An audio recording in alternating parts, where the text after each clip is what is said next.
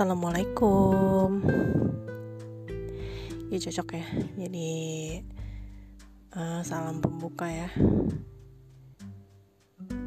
Dibandingkan kayak Yang lain tuh kayak terlalu mainstream gitu gak sih? Kayak Hai guys gitu. Ya sih. Yo yo yo what's Balik lagi. Gak cocok banget deh gue ngomong kayak gitu. Kayak so asik banget gitu Iya kan, padahal aslinya nggak asik gitu kalau gue gitu. Mungkin ini apa ya good for yang lain tapi kayaknya kalau gue enggak ya. Enggak lah ya enggak ya. Enggak cocok lah ya. Enggak deh kayaknya. Well gue uh, iseng aja sih sebenarnya. Iseng nyoba-nyoba pengen bikin podcast. Podcast ala-ala gitu yang nggak tahu sih nanti bakal kelanjutannya kayak apa. Ya hitung-hitung ngedengerin lah suara sendiri tuh kayak apa sih uh, sembernya gitu. Ya jadi nyoba-nyoba sih uh, podcastnya belum ada namanya juga. Podcastnya podcast random kali ya sekarang ya kali ya. Ya so far sih namanya podcast random karena ya emang random ya kan? Mau dinamain podcast absurd mungkin ke depannya bisa kali ya gue namain podcast absurd ya. Ya nanti vote lah kira-kira temen-temen uh, oke nya gue namanya podcast apa nih gitu. Anyway anyway hari ini hari minggu. Minggu ya? Udah lupa hari gue gara-gara corona. Minggu sih kayaknya ya, minggu. Uh, terus tanggal 19 kalau nggak salah 19 April. Maaf ya kalau salah. Tolong dikoreksi. 19 April 2020 uh, di rumah gue gue bikinnya. Kenapa gue pakai nyebut tanggal gitu ya? Sebenarnya penting gak penting? Kayak ya ini kan podcast ini bakal gue jadiin dokumentasi pribadi juga kan? Enggak ya, pribadi juga sih ya udah jadi podcast gimana mau pribadi ya ya intinya kayak mau gue simpen gitu. Uh, yang kali aja gitu gue 10 tahun atau 20 tahun lagi dari sekarang bisa gue dengerin gitu kan. Terus kayak wah gue pernah muda ternyata gitu ya. Back to tahun 2020 ya mungkin yang nanti nggak tahu ya tahun-tahun selanjutnya akan lebih canggih kayak apa lagi gitu dan ya menarik aja ya. Menarik gak sih kalau misalnya lo lihat rekaman-rekaman lama gitu ya? Rekaman-rekaman alay gitu. Terus nanti uh, 20 atau 30 tahun lagi gue dengerin ini rekaman podcast gue sekarang tuh kayak oh my god dia balik ke masa-masa alay gitu. Bikin-bikin podcast karena corona well ya gitulah ya. Jadi karena ini uh, podcast pertama ya. Bisa dibilang episode pertama. Alah episode pertama kayak bakal langgeng aja gitu ya podcastnya. Episode pertama gue masih nggak tahu sih sebenarnya konsep podcast ini mau ngomongin apa ya. Itu gue juga nggak tahu. Mau bahas tentang apa? Mau uh, apa? Kayak ya mau mau bahas tentang apa? Mau ngomongin tentang apa terus konsepnya kayak apa sebenarnya juga nggak tahu ya kan? Karena emang iseng-iseng doang gitu. Nggak jadi mohon maaf ya kalau nggak terkonsep dengan baik dan menarik gitu. Ya gue sih pengennya kayak ngomongin tentang banyak hal ya.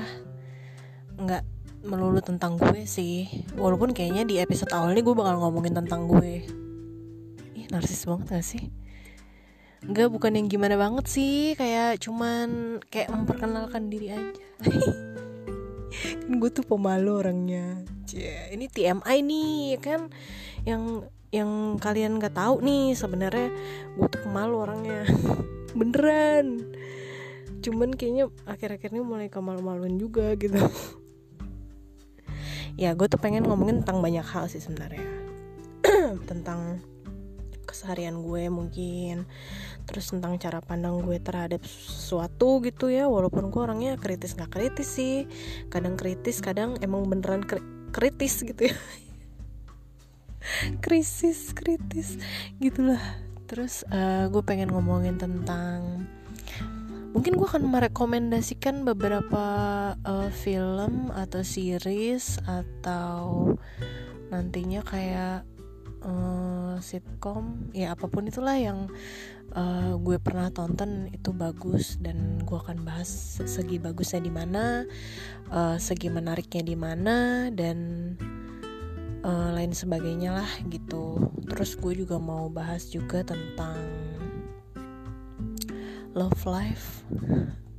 Penting gak sih? Nggak penting ya aduh podcast ini apa namanya podcast nggak penting aja ya kan kayaknya kok banyak banyak segi nggak pentingnya gitu ya. Cuman ya udah lah ya gitu cuek aja. Walaupun sebenarnya gue orangnya gak cuek. Uh, mungkin oh mungkin nanti ke sananya juga gue bakal bahas tentang uh, psikologi. Menarik gak sih? Karena gue tuh orangnya uh, ini gue adalah salah satu sarjana hukum yang punya affair sama bidang lain. Kalau gue sih nyebutnya gitu ya. Jadi gue orang yang menikah dengan hukum tapi punya affair dengan psikologi. Mungkin gitu istilahnya kali ya. Intinya kayak hati gue nggak sepenuh hati di hukum gitu. Gue lebih banyak tertarik dengan bidang-bidang lain di luar itu. Mungkin itu sih yang bikin gue jadi rich. Bukan rich duit ya gitu richnya tuh lebih ke kayak apa apa tuh gue uh, misalnya mau ngomongin psikologi mau ngomongin film ngomongin musik ngomongin bola kayak nyambung aja karena emang kesukaan gue banyak gitu nggak yang kayak ya udah sekedar gue belajar itu gue sukanya itu gue kerja di bidang itu gitu misalnya. Nggak gitu-gitu doang gitu. Jadi ya nanti ke depannya gue bakal ngomongin tentang lain-lain lah yang sebenarnya belum di kepikiran juga sih. Mungkin tentang makanan gitu kan bisa juga gitu. Kira-kira makanan apa sih yang uh, yang enak gitu yang pernah gue cobain gitu. Penting gak sih? Mohon maaf ya gue tuh sebenarnya setengah pede setengah pede bikin podcast. Jujur karena mungkin nanti seiring berjalannya episode-episode podcast nggak penting bin random bin absurd ini ya guys kalian bakal tahu se nggak percaya diri apa gue gitu. Se gue tuh orangnya low self esteem banget gitu. Jadi gue kayak hampir nggak punya kepercayaan diri yang ini lo gue gitu. Makanya gue bikin podcast. Nyambung gak sih? Nyambung ya? Karena gue nggak terlalu bisa ngomong di hadapan orang banyak nih sebenarnya kalau enggak yang emang dipaksa gitu gue nggak pernah bisa gitu. Jadi ya lewat podcast secara nggak langsung kan gue ngomong ke orang banyak ya. Kalau banyak yang denger kalau nggak banyak yang denger ya udah. Wassalamualaikum warahmatullahi wabarakatuh. Oh belum belum. Itu kayaknya bakal jadi ini ya apa Salam penutup gue nanti Wah Brilian emang ya. Jadi uh, pembukanya Assalamualaikum. Nanti penutupnya gue akan uh, Wassalamualaikum warahmatullahi wabarakatuh kece gak sih? Kece ya? Udah lah anggap aja lah gitu. Oke langsung aja deh. Ini banyak berbelit-belit nih. Gue ini lawak ya. Aduh podcast lawak. Ya. Aduh Ini gue tau nih. Ini orang yang bakal dengerin podcast ini Ada yang malu semalu-malunya banget nih. Karena gue malu-maluin dia banget salah satu my close friend dia bakal kayak lu ngapain sih bro? Bakal kayak gitu ya nggak sih lo? Kayak ini tuh apa? Gitu cuman ya udahlah. Udah langsung aja lah ya. Keburu tambah ini nih tambah uh, ngawur gitu maksudnya. Jadi uh, episode kali ini episode pembuka pertama ini adalah uh, gue mau uh, perkenalan C. Di mana-mana kan tak kenal maka tak tak tak kendol. Tak sayang katanya gitu ya.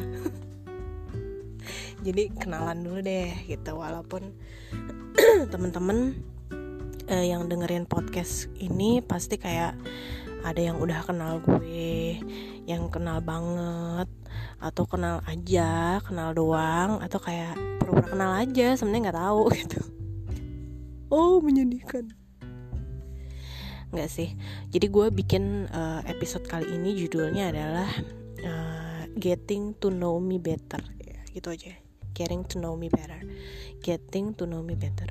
Terserah gimana pronunciationnya ya yang penting gitu dah. Pokoknya getting to know me better. Karena uh, gue merasa sebagai seorang human being gue tuh nggak terlalu open orangnya gitu. Jadi even though teman-teman sendiri kayak sebenarnya tahu nggak tahu gitu loh tentang gue apa yang gue suka apa yang uh, gue tuh orangnya kayak gimana itu nggak banyak tahu. Karena apa? Karena gue sendiri orang orangnya tertutup gitu. Tertutup kayak pintu-pintu ini minimarket ya kan? Selalu tertutup otomatis tertutup gitu pintunya. Nggak lucu ya. Aduh nggak pinter ngelawak gue ya. Maaf nih karena bukan stand up komedian cuman iya udah deh. Bahasa kerennya sih reserve gitu ya gue orangnya. Nggak terlalu terbuka.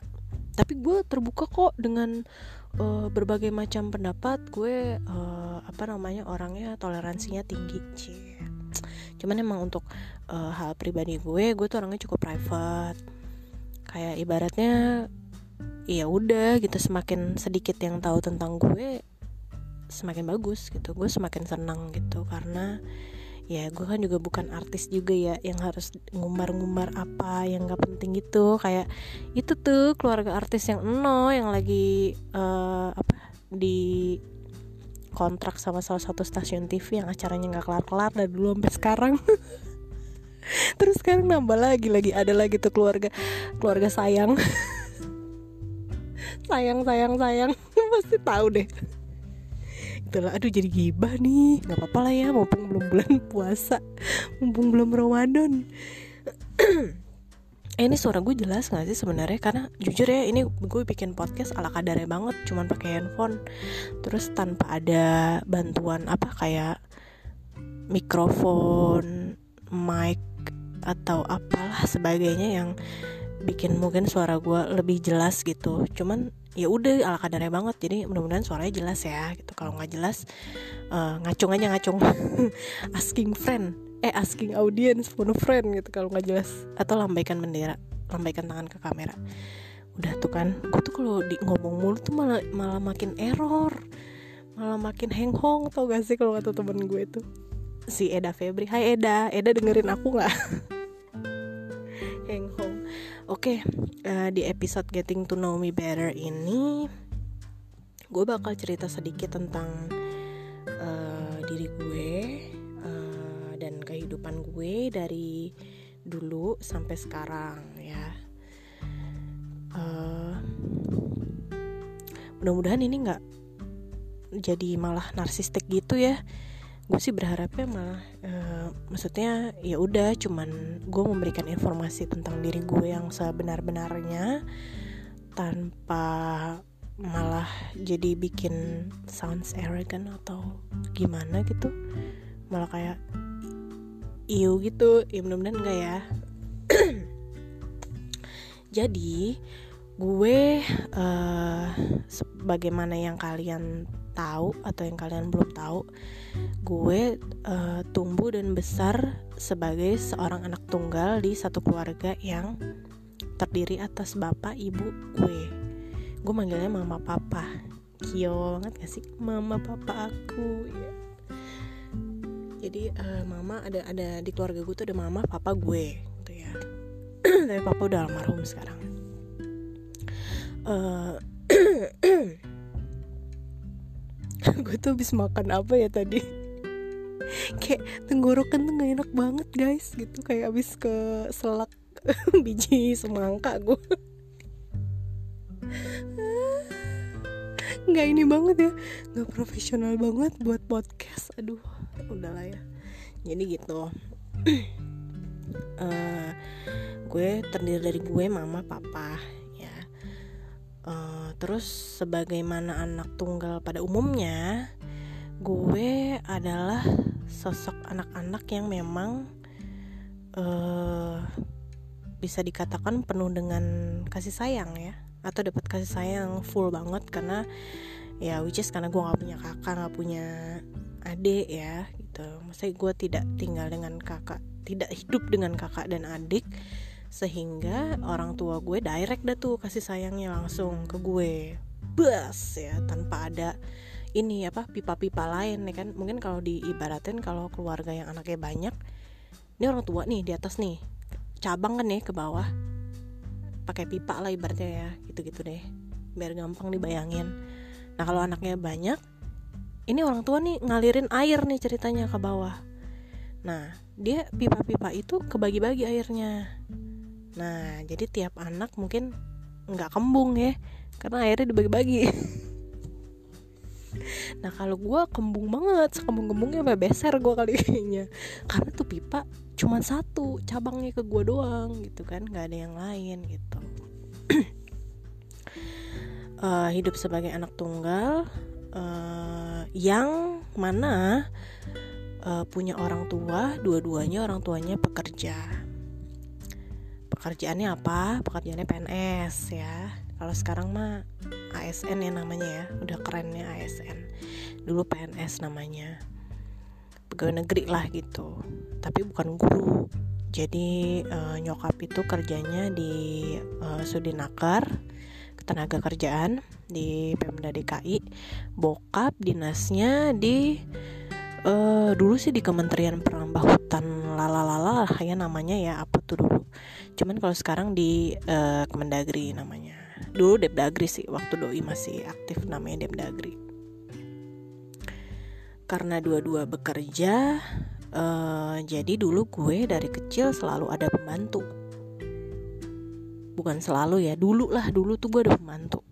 Waktu masih kecil ART lah ya.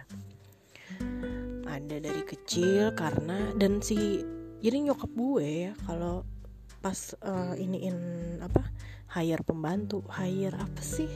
Mempekerjakan mempekerjakan pembantu itu nggak pernah yang uh, kayak bibi-bibi gitu. Bibi-bibi itu apa ya? Bibi-bibi sinetron gitu yang apa sih masak nyuci uh, nyapu ngepel enggak.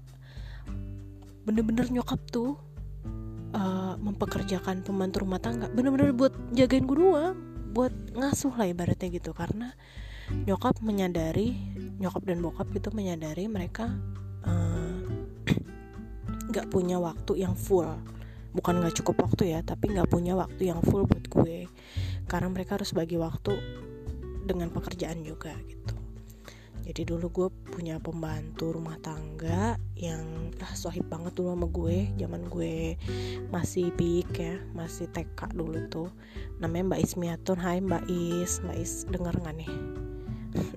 Jadi Mbak Is tuh baik banget dulu. Aduh kalau cerita tentang Mbak Is panjang lagi ceritanya ya karena baik banget. Dan dia benar-benar kayak pada saat itu dia dulu ngurus gue tuh benar-benar belum punya anak masih gadis. Tapi dia keibuan banget sampai dulu kalau mau ngelonin gue tuh dia mandi dulu bo biar nggak bau gitu. Luar biasa ya. Pokoknya gue intinya gue punya pembantu lah. Nah gue uh, punya pembantu tuh gue sampai SMP sebenarnya SMP kelas 2 kelas 3 tuh gue udah nggak ada pembantu lagi. Nggak ada pembantu lagi. Nah uh, dengan status anak tunggal gue tahu banget sih stereotype ya atau stereotipe. Anak tunggal tuh pasti gila-gilaan kan di luar sana. Yang ya sebut deh apa aja. Manja uh, cengeng. Cengeng sih iya sih gue. Bener kalau cengeng. Manja cengeng terus uh, konsumtif. Apalagi biasanya? Uh, gitulah ya terus uh, tergantungan sama orang tua gitu mungkin atau uh, egois atau gimana gitu ya. Ya ya stigma anak tunggal lah gimana sih gitu. Cuman di sini gue bisa bilang gue uh, jauh dari itu semua gitu. Narsis banget ya sih gue ngomong kayak gitu? Enggak sih ini gue bukan yang ngebagus-bagusin diri gue. Cuman memang uh, gue tidak besar sebagaimana anak tunggal dengan stigma itu gitu. Dan gue benar-benar mau menghilangkan banget stigma itu karena hey please lihat dong gitu. Di luar sana banyak anak tunggal yang nggak kayak gitu gitu. Dan itu teman-teman gue sendiri gitu. Banyak kok anak tunggal yang nggak manja nggak selalu di uh, supply dengan duit duit duit duit duit terus gitu. Atau dengan segala barang mahal fasilitas oke okay, gitu yang menjadikan mereka jadi terlena dengan itu semua dan nggak bisa mandiri gitu. Banyak kok yang anak tunggal di luar sana. Ya kalau misalnya mau lihat yang terkenal Dian Sastro ya. Dian Sastro tuh gitu-gitu ternyata anak tunggal guys. Dan ya selain Dian Sastro yang artis gitu ya yang non artis pun banyak yang sukses. Dan mereka maksudnya sukses menghilangkan stigma itu. Bukan sukses secara gimana ya maksudnya di sini dalam lingkup kecil sukses menghilangkan stigma bahwa anak tunggal tuh manja lalala gitulah ya. Uh, eh, gue tuh termasuk yang uh, bukan anak tunggal yang kayak gitu. Kenapa begitu? Karena didikan orang tua juga sih sebenarnya. Jadi orang tua gue tuh menyadari kalau anaknya anak tunggal dan menyadari juga bahwa uh, ketunggalan gue ini bener gak sih bahasanya? Tolong dong teman-teman aku yang editor. Editor editor BA editor tolong dikoreksi ya bener gak sih? Itu frasa ketunggalan itu tepat gak sih? Cuman ya intinya status gue yang sebagai anak tunggal ini nyokap gue nyadarin banget nyokap bokap. Sehingga gimana nih nih anak supaya walaupun uh, kamu anak tunggal tapi nantinya kamu bisa uh, survive bisa mandiri bisa apa-apa tuh nggak yang manja yang apa sih kayak uh, gitu-gitu deh. Gue nggak tahu kata-katanya apa ya saya takut salah salah kata gitu malah jadi aneh. Intinya gitu. Terus uh, dari situ gue dididik buat eh, nggak uh, dimanja. Jadi bokap nyokap tuh lebih ke ini apa kalaupun manjain gue ya mereka tuh manjain dengan kasih sayang. Jadi bukan dengan barang atau gue mau minta apa aja dikasih gitu enggak. Tapi dengan kasih sayang yang gue bilang pipa satu cabang tadi yang cuma ke gue gitu. Kalau power bank eh kalau ibarat HP tuh gue uh, orang tua gue power bank gue HP itu ceplokannya cuma satu bo. Ceplokan tuh apa ya? Plug lobangnya gitu loh. Plug in lo lobang itu tuh cuma satu. Jadi cuman kabel datanya ke gue doang gitu. Nggak power bank yang banyak plugnya gitu. Kayak gitu lah intinya. Jadi kayak mereka tuh memang uh, pol-polan banget ininya kasih sayangnya gitu loh. Ya kan memang cuman bisa dicurahkan ke gue. Melalui apa? Melalui uh, walaupun mereka bekerja tapi mereka mengusahakan untuk tidak larut dalam pekerjaannya gitu. Jadi beneran emang ya udah kerja di luar uh, terus jamnya pulang mereka pulang ke rumah terus tetap uh, nanyain gimana sekolah gue terus apa yang susah di uh, sekolah maksudnya ada masalah enggak terus setiap ngambil rapot nyokap gue masih ngambilin ke sekolah gitu ya. Terus pas lagi ada rapat murid juga nyokap gue masih dateng.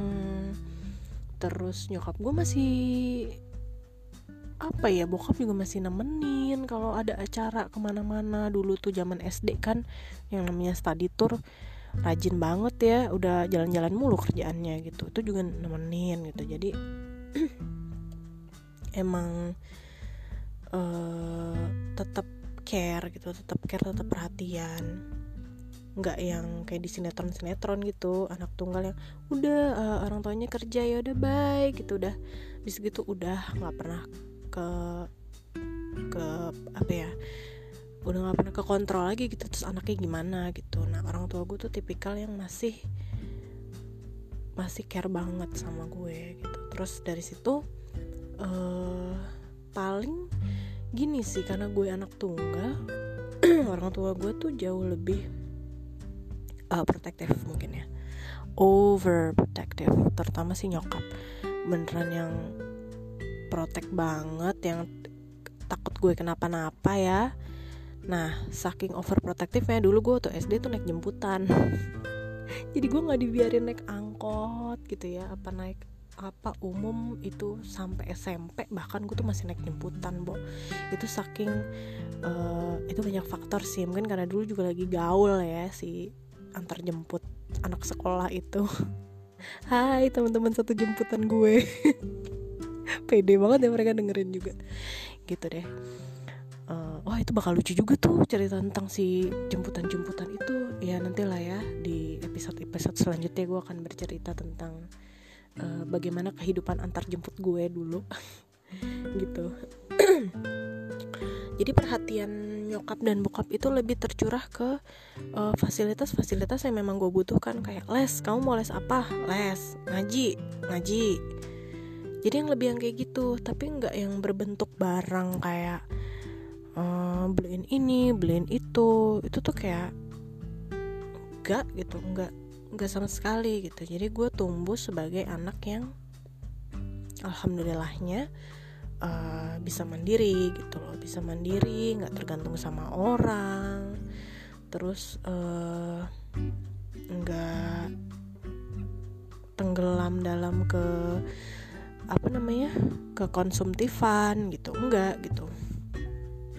Dan di situ sih gue bersyukur banget sih. Gue bersyukur banget gue uh, bisa punya apa ya bisa tumbuh sebagaimana yang diharapkan lah gitu.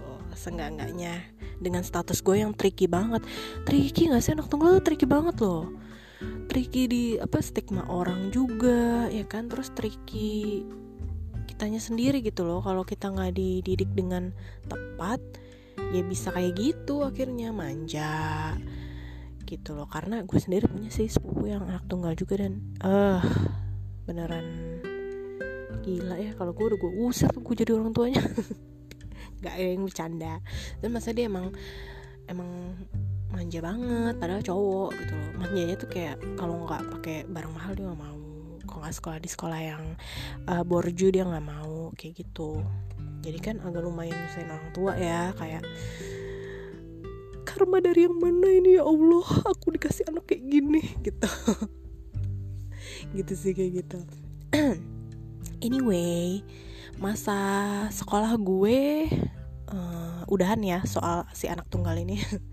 Jadi lanjut uh, getting to know me bannernya ini uh, ke tahap gue sekolah. Jadi masa sekolah gue memang gue kan tinggal di Depok nih.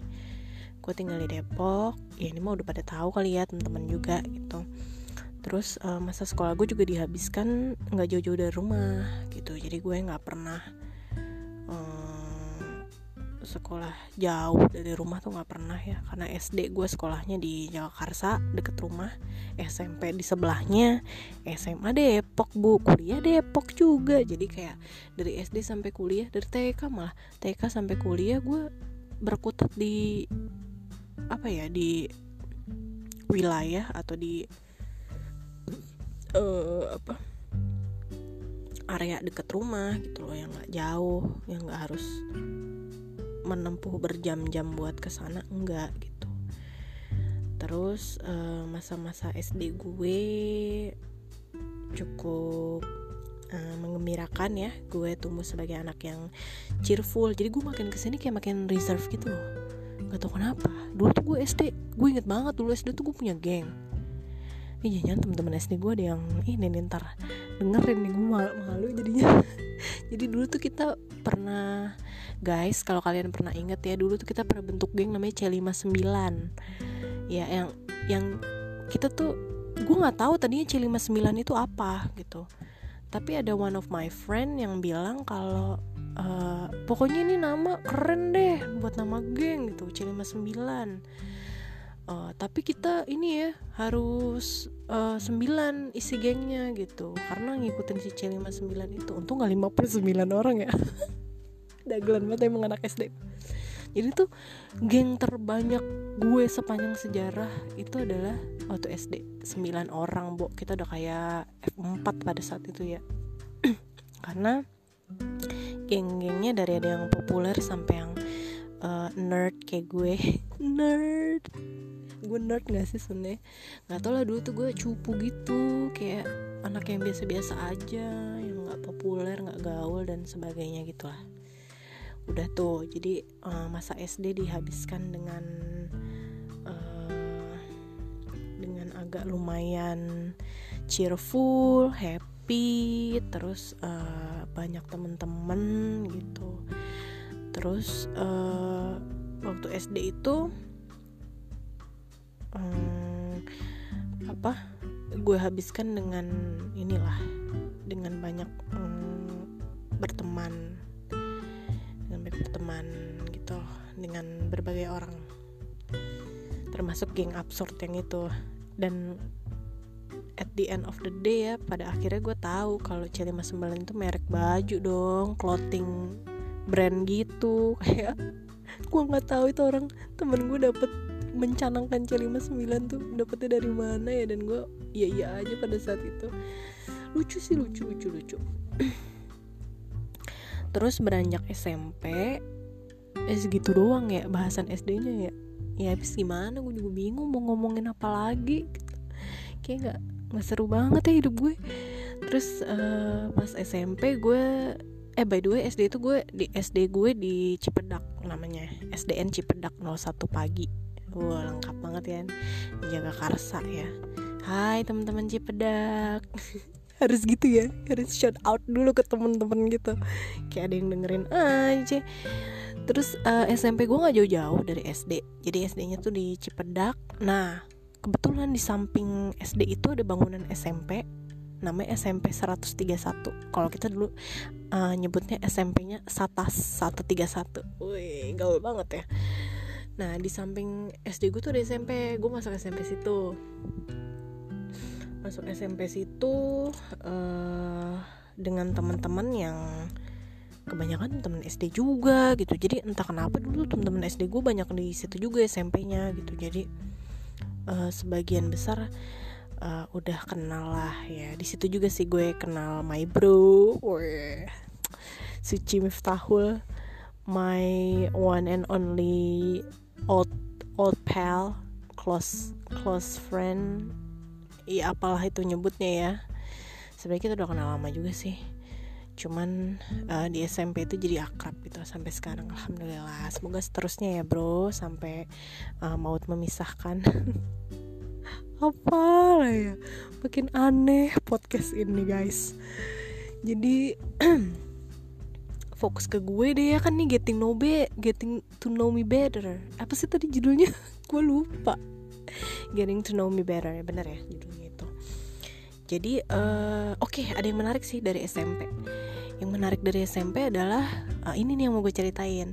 Jadi uh, kan tadi gue sempat cerita gue tuh dari dulu punya pembantu rumah tangga karena nyokap kerja jadi dia berusaha buat cari yang ngasuh gue yang jagain gue di rumah.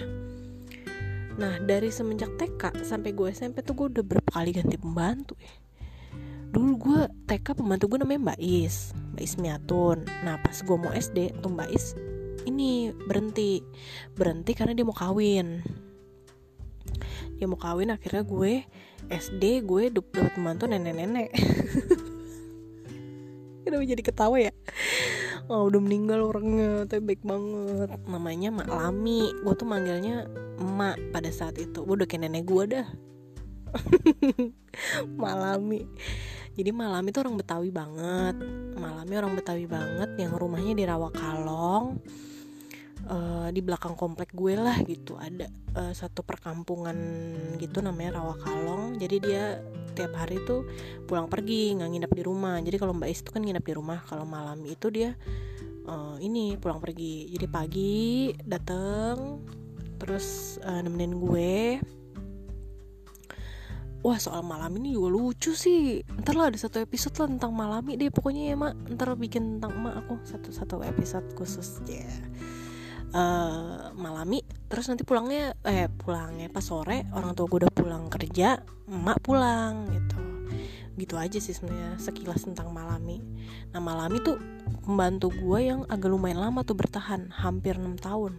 Jadi dari gue kelas 1 SD sampai gue kelas 6 SD bo sampai gue yudisium cie ibaratnya. Itu malami abis itu uh, setelah malami masuk SMP gue ada pembantu baru namanya Bayana waktu itu.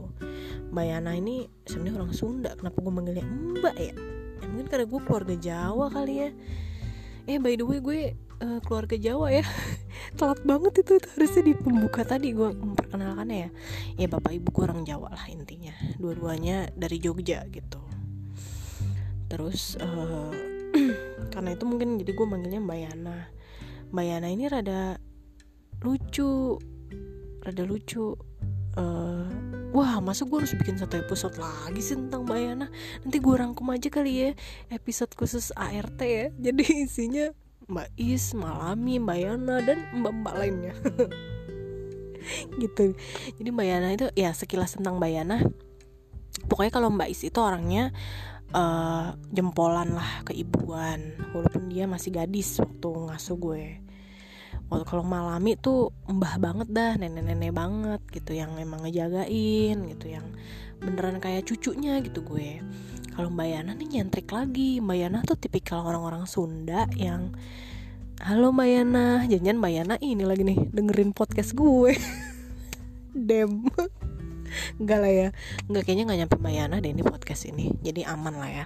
Jadi Mbak Yana ini tipe mbak-mbak Bukan mbak ya Teteh-teteh Sunda Teteh-teteh Sunda yang putih Agak montok gitu ya. Montok terus dia sukanya pakai kaos sama pakai celana pendek Celana nanggung lah gitu ya Celana selutut. Jadi bisa kebayangkan kayak apa montoknya Jadi makin Uh, makin gitu deh ya Terus Mbak Yana ini kerjanya seneng ini ngumpul bareng pembantu-pembantu lain gitu kan kalau sore gitu kan abis mandiin gue. Mandiin? Enggak ya. Pokoknya abis terlalu deh gue kayak agak bundet gitu tiba-tiba story gue. Nah pokoknya intinya Mbak Yana tuh kalau sore suka mejeng lah di komplek gitu ya bareng pembantu-pembantu komplek yang lain. Dan Mbak Yana ini lucunya adalah dia buta huruf dong dia buta huruf jadi nggak bisa baca. Tapi gaul. Dan apa ya bukan tipe-tipe kalau orang tua gitu masih muda gitu loh Mayana. Pokoknya orangnya putih. Putih terus uh, gue inget banget dulu dia suka pakai Kelly bo. Kelly tau gak sih? Kelly tuh kayak krim buat muka gitu krim buat wajah. Mungkin ada beberapa dari kalian yang tahu ya merek Kelly. Atau di searching aja lah krim Kelly gitu K E L L Y kalau nggak salah spellingnya gitu ya. Krim Kelly. Nah mbak Yana tuh dulu suka banget pakai krim Kelly itu. Wah pokoknya kalau urusan dan dan mendandan nomor satu deh mbak Yana deh. Ya mungkin dia bisa jadi beauty vlogger kali sekarang ya. Atau mungkin dia sudah jadi beauty vlogger. Mungkin dia youtuber sekarang ya. Udah ada channelnya kayaknya mbak Yana. Pokoknya dia suka nongkrong gitu bareng mbak-mbak yang lain. Dan uh, Mbak Yana ini pembantu gue waktu gue kelas pokoknya pas Malami keluar deh. Waktu itu Malami berhenti karena udah mulai sakit. Jadi Malami tuh ya karena udah tua ya udah mulai sakit. Jadi dia kalau nggak salah gue kelas 5 atau gue kelas 6 dia berhenti. Akhirnya datang lagi pembantu namanya Mbak Yana by the way Mbak Yana nih doyan pedes loh guys. Dulu gue inget banget deh Mbak Yana tuh kalau bikin gado-gado cabenya 10 cabai rawit. Buset pegeleng-geleng gue pada saat itu. Eh sekarang gue yang doyan cabai ya. Emang bener-bener dah. Terus um, Mbak Yana ini salah satu pembantu gue yang gak lama. Jadi dia paling kayak cuma setahun deh. Apa nggak ada setahun ya dia? Pokoknya cepet deh Mbak Yana nih nggak nggak lama.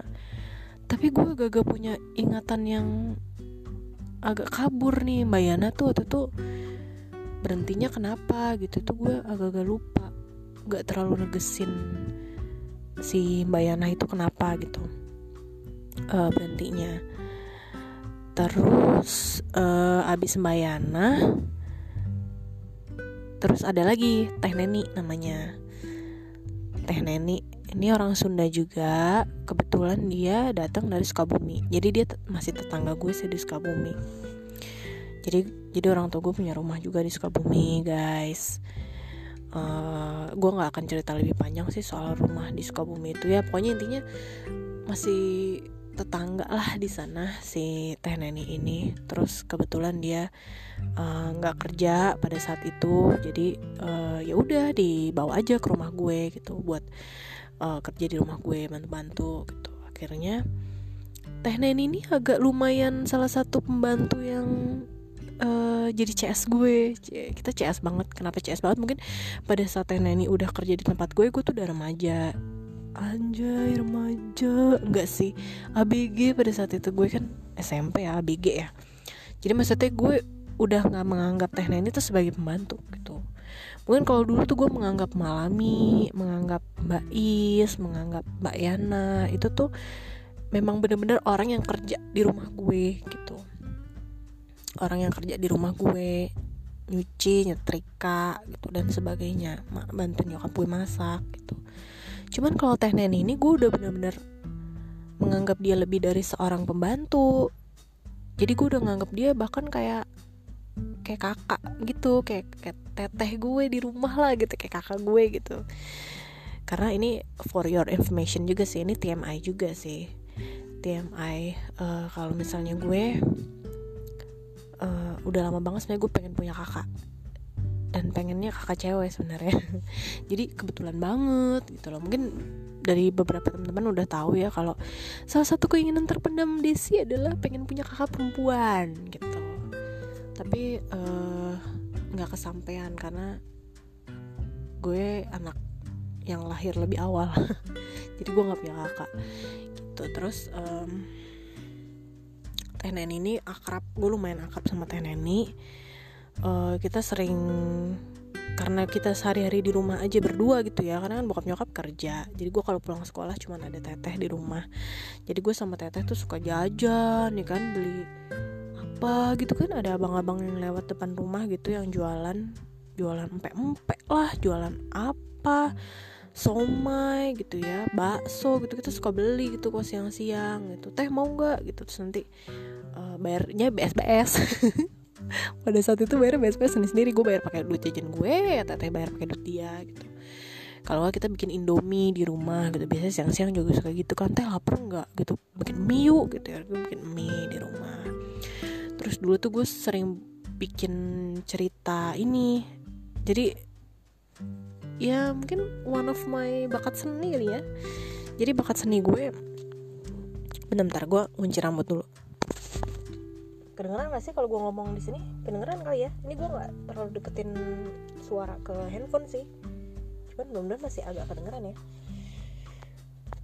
Jadi uh, dulu tuh gue juga hobi bikin cerita bersambung ya cerbung ya namanya ya cerita bersambung gitu. Jadi gue kayak bikin cerita di buku tulis gitu aja cerita bersambung ada gambar-gambarnya sedikit. Nah pembaca setia cerita gue tuh teh neni terus nanti uh, tiap hari gue suka nulis apa gitu kan nambah-nambah. Terus kan namanya cerita bersambung kan ya bersambung mulu gitu.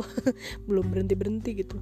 Terus nanti udah selesai gue tulis berapa part gitu terus gue tunjukin teh ini gitu biasanya teh ini aku udah keluar nulisnya gitu. Terus nanti dia baca gitu. Terus dia beneran interest gitu bacanya yang ntar kok dia nggak ini dia jadi diskusi abis itu kok bisa kayak gini sih mbak ceritanya? Kayak gitu gitu lah pokoknya cs banget teh dulu gue sama neni. Sayangnya teh neni ini uh, nggak lama juga bo di rumah gue. Jadi tenan itu cuman kayak apa ya paling dua tahun ya dua tahunan lah kali ya. Pokoknya dia kerja tuh dari gue ditinggal Mbak Yana. Gue tuh kayak apa ya ditinggal-tinggal ya. Sedih aku tuh. Jadi dari gue ditinggal Mbak Yana uh, itu kisaran gue mau kelas 2 SMP kali ya. Pokoknya sepanjang kelas 2 SMP itu teneni lain di rumah gue terus pada akhirnya tahun 2006 pas gue mau kelas 3 SMP nah nenek ini akhirnya berhenti.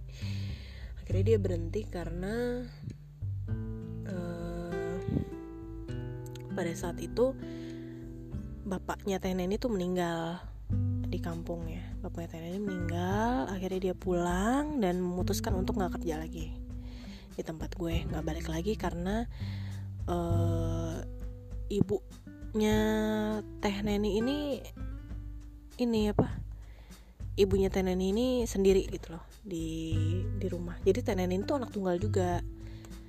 Nggak anak tunggal juga sih. Teh neni itu kayak gini loh bapaknya teh neni gue manggilnya abah. Ngikutin dia jadi ya dia manggilnya abah umi. Terus jadi gue kok ketemu orang tuanya juga manggilnya abah umi gitu. Jadi abahnya teh neni ini uh, nikahnya kayak poligami gitu. Jadi kayak Tenen tuh punya saudara satu bapak gitu. Tapi yang satu ibu dia sendiri. Jadi otomatis kan ketika bapaknya meninggal di kampungnya itu dia cuma sendiri sama uminya. Dari situ akhirnya dia bilang e, aduh saya kayaknya saya nggak balik lagi gitu. Nggak nggak nggak nggak kerja lagi di tempat ibu. Ngomong ke nyokap gue gitu. Well dari situ akhirnya itulah uh, terakhir kali gue punya pembantu teh neni. Habis itu udah sampai detik itu sampai detik sampai detik itu sampai detik ini tuh aduh gak ini banget ya bahasanya gak banget. Dari sejak itu sampai saat ini gimana teman-teman editor oke okay nggak? Atau kurang oke okay ya? Ya mungkin dari sejak itu sampai saat ini gue nggak punya pembantu lagi gitu loh. Dan ini tuh pembantu terakhir seorang anak tunggal yang dari dulu punya pembantu terus akhirnya nggak punya pembantu lagi dengan kondisi orang tua yang masih bekerja ternyata mampu survive, mampu bertahan. Kenapa mampu bertahan? Karena itu dia yang tadi gue sebutin di awal bahwa orang tua gue tuh nggak pernah mendidik gue menjadi anak yang manja. Jadi ketika nggak ada teh nenek, semuanya baik-baik saja. Semuanya baik-baik saja semuanya normal-normal saja. Teh neni nggak ada juga apa ya ibaratnya I'm fine gitu loh. Gue sendiri di rumah nggak masalah gitu. Jadi semenjak gak ada teh neni uh, nyokap bokap masih kerja. Jadi gue dulu tuh kalau pulang sekolah ya waktu SMP semenjak itu catering kan. Karena udah nyokap udah nggak masakan jadi catering. Jadi uh, apa? Dulu tuh cateringnya rantangan. Jadi bokap nyokap gue dulu cateringnya rantangan per hari gitu. Makannya datang buat makan siang. Uh, dan orangnya dulu tuh tiap uh, nganterin tuh mungkin sekitaran jam-jam sebelum makan siang ya sorry sorry. Jadi sebelum makan siang uh, orangnya nganterin biasanya ke rumah. Dan itu ditaruh di teras teras rumah gue. Jadi dulu teras rumah gue tuh kayak dipasangin apa ya tatakan kayu gitu sama bapak gue di dinding. Jadi nanti pas orangnya datang nganterin cateringan rantangnya ditaruh di situ di tatakan kayu itu. Nanti pas gue pulang karena gue tiap hari bawa kunci dulu kunci rumah. Uh, pasti kan gue pulang duluan dong daripada orang tua gue. Karena biasanya jam ya setengah satu jam satuan udah pulang tuh biasanya SMP. Ya nggak sih? Kita pulang jam segitu nggak sih guys? Teman-teman SMP ku halo. Kita pulang jam segitu nggak sih? Jadi um, gue ngambil rantang itu bawa masuk dan yaudah gue dengan damainya makan siang dengan cateringan gitu ya. Uh, waktu itu cateringannya tuh uh, isinya kayak sayur selalu ada sayur ya. Entah itu sop atau sayur asem atau sayur apalah itu ya dan beberapa lauk sih. Lauknya kadang tempe goreng kadang bakwan kadang perkedel. Ya suka-suka aja gitu yang punya catering. Terus uh, kadang ada balado balado baladoan gitu juga sih balado telur gitu kadang ya. Gitu-gitu deh lauknya.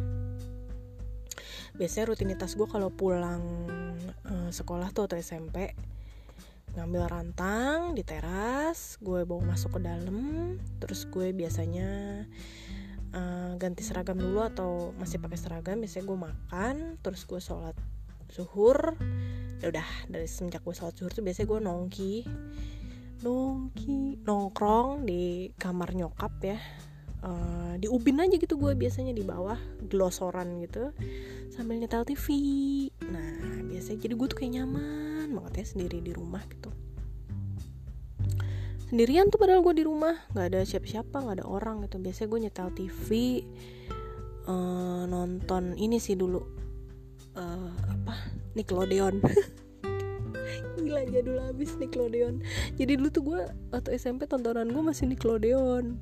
Jadi dulu gue uh, setelah TV dulu di TV deh kalau nggak salah ya TV atau udah di global sih. Gue lupa deh pokoknya dulu tuh ada kartun Nickelodeon yang nonstop banget asli dari dari jam jam siang tuh jam 1 sampai sore tuh Nickelodeon semua.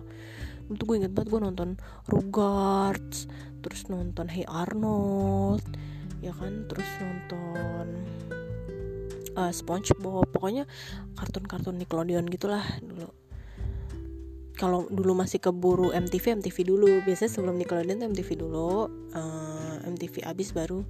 Gila MTV gue banget zaman dulu. MTV banget ya sekarang udah nggak ada. Ya sedih deh. Padahal dulu acaranya bagus-bagus banget ya. Mungkin nanti kita akan bikin satu episode juga tentang ngebahas acara-acara zaman dulu yang bagus. Pasti lumayan menarik kan ya jadi biasanya kalau udah nonton MTV nonton Nickelodeon sambil tidur tiduran itu ya. Terus uh, biasanya sore-sore mandi tuh kan asar mandi. Jadi gue tuh termasuk anak yang uh, agak ini ya agak patuh sama waktu gitu. Jadi waktunya gue istirahat gue istirahat kan nonton TV ntar waktunya mandi gue mandi. Ya jadi gue bukan tipikal anak yang beringas atau yang susah diatur. Padahal sebenarnya gue kalau dipikir gue menghabiskan waktu sendiri di rumah. Terus gue anak tunggal pula. Tapi alhamdulillah gue bisa uh, tumbuh dan berkembang menjadi anak yang nggak gampang eh kok nggak gampang sih? Anak yang nggak susah diatur gitu udah mandi terus biasanya habis gue mandi udah orang tua gue pulang. Dan kita kembali menjadi keluarga yang happy keluarga bahagia keluarga Barney. Udah sih gitu aja kehidupan gue tanpa pembantu. Dan itu terus berlangsung sih agak lumayan lama ya. Gue tuh catering cateringan gitu sepanjang SMP sampai kalau nggak salah sampai bokap gue pensiun deh. Jadi untungnya pas SMA itu pas SMA itu ini. Pas SMA uh, eh, apa? Pas SMA bokap gue pensiun kan. Pas SMA tawan ya gue di mobil. Ya nih gue lagi ngerekam ini di mobil sebenarnya karena um, gue butuh environment yang uh, agak lebih kedap gitu loh. Jadi suara gue beneran emang bisa kedengeran tanpa terganggu suara apa lah mesin suara apa gitu. Ya bentar ya gue mau nyalain mesin dulu nih biar gue nggak terlalu kepanasan. Keren banget gak sih? Aduh Mian Hamida banget ya. Nggak profesional banget nih aduh gue udah mulai kegerahan nih. Jujur deh tadi gue bikin podcast ini di mobil soalnya. Di dalam mobil dengan kondisi yang gue cuma buka jendela sedikit biar tetap kedap. Dan sekarang gue kepanasan. Eh penuh derita banget deh kayaknya untuk episode next next episode atau episode berikutnya gue harus memikirkan ini gue mau bikin lokasi podcastnya di mana gitu. Karena kalau di rumah ya di kamar nih misalnya ya kamar gue juga kurang kedap gitu loh. Jadi uh, takut suara gue terdistract sama suara-suara yang lain jadi nggak jelas gitu. Ya we'll see lah nanti kita akan bikin episode selanjutnya di mana. Back to uh, episode getting to know me better. Tadi sampai mana ya? Sampai oh iya jadi bokap gue itu pensiun pas gue kelas hmm, kelas 3 apa ya? Kok nggak salah ya. Kelas 2 kelas 3 SMA gitu deh. Dia udah mau doi udah mulai pensiun jadinya uh, gue di rumah ada temennya. Karena dari semenjak nggak ada teh itu gue sendiri bo di rumah. Beneran kayak emang sendirian banget. Dan gue mungkin itu kali ya yang buat gue jadi orangnya rumahan banget gitu loh. Karena gue udah terbiasa di rumah sendiri dan alhamdulillahnya rumah gue itu adalah home sweet home. Jadi walaupun nggak yang ru kayak rumahnya bidadari gitu ya. Yang ada kolam renangnya apa gitu enggak cuman kayak apa ya uh, suasana di rumah gue tuh selalu yang harmonis happy. Walaupun orang tua gue dua-duanya kerja tapi mereka nggak kayak orang tua pekerja yang di sinetron gitu yang nggak pernah pulang yang pulangnya larut malam yang pagi-pagi udah kerja lagi yang gimana banget gitu. Enggak mereka tuh tetap weekend di rumah tetap uh, kita nge-mall bareng dulu waktu gue masih kecil. Dulu tuh ke Goro mallnya gila ya. Ih, kalau nggak ke Golden Truly. Ih, tua banget aku tuh. Pasti, pasti kalian juga gitulah. Pasti kan yang dengerin podcast ini juga tuanya sama sama gue. Gitu. Gitu terus uh, udah. Jadi pas bokap pensiun ya udah gue di rumah jadi uh, jadi ada temen gitu. Jadi ada temen jadi punya temen terus gue tutup dulu.